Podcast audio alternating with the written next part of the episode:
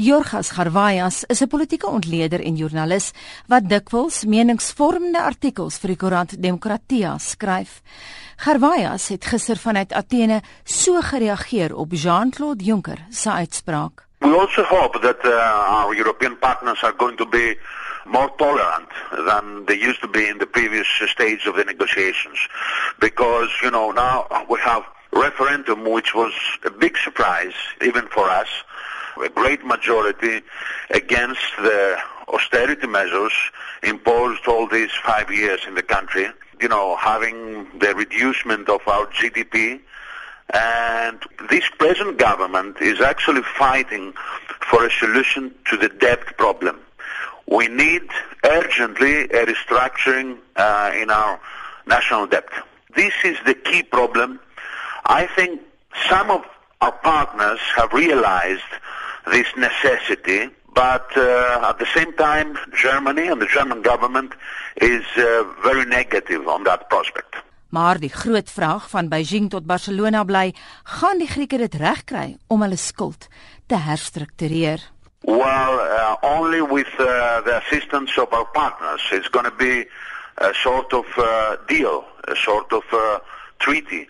Uh, we expect that we're going to take some very, very harsh measures with a new austerity program, which is actually unavoidable. But at the same time, we argue, we wish, and we press that we have a simultaneous solution to our debt problem. In terms of the mood in Greece, are people optimistic? No. People are courageous, they are waiting, they are praying, uh, it's a very bleak situation right now with the banks closed and the capital controls imposed to our banking system. But still, people are hoping. Vir nou lyk dit asof die Latyners laer trek saam met hulle Griekse broers en susters. Die Italiaanse minister van buitelandse sake, Paolo Gentiloni, het na die historiese Griekse nee-stem getweet dat die EU sy pogings tot 'n kompromis met Athene moet hernie, terwyl die Franse premier, Manuel Valls, gister ook sy morele steun aan die Grieke gegee het. Jorgas Garvayas sê die soort saamstaan van bure in die Middellandse See is nie ongewoon nie, maar sal uiteindelik teen 'n prys kom. Well, you know, uh, of course, we are close countries, uh, Mediterranean countries, and we have a, a sort of uh, mutual understanding.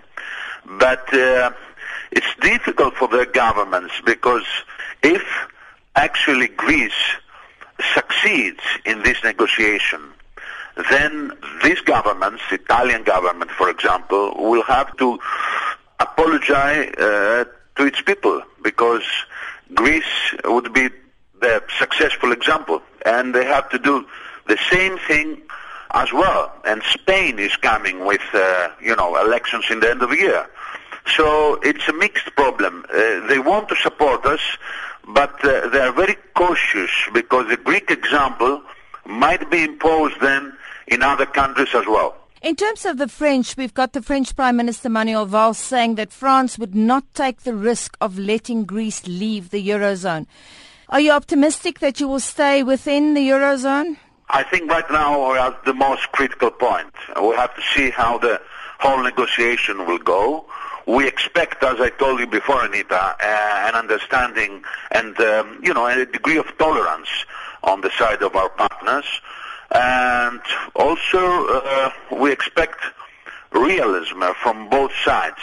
We understand, as I said, that we have to, to impose some very, very harsh uh, austerity measures, and uh, we have also to make some reforms.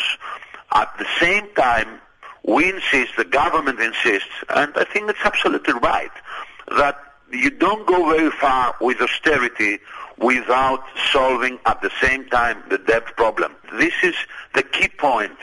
Now, if uh, in the next few days the situation continues with this uh, bank problem and the ECB does not help the liquidity in the Greek banks, the situation might deteriorate.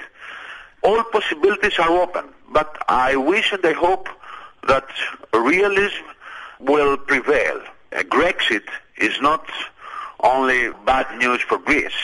it's bad news for European Union as a whole.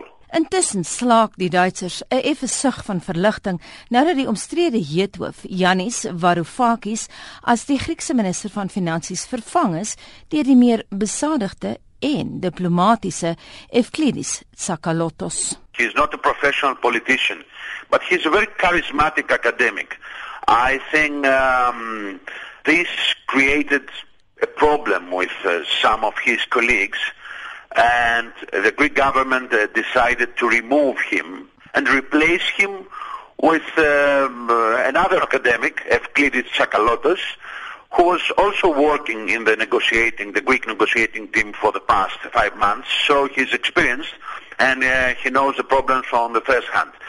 Uh, I think he's uh, more, you know, moderate guy, more diplomatic in a sense, and he's. Uh, well accepted the majority of his uh, colleagues in the um, of the eurozone countries.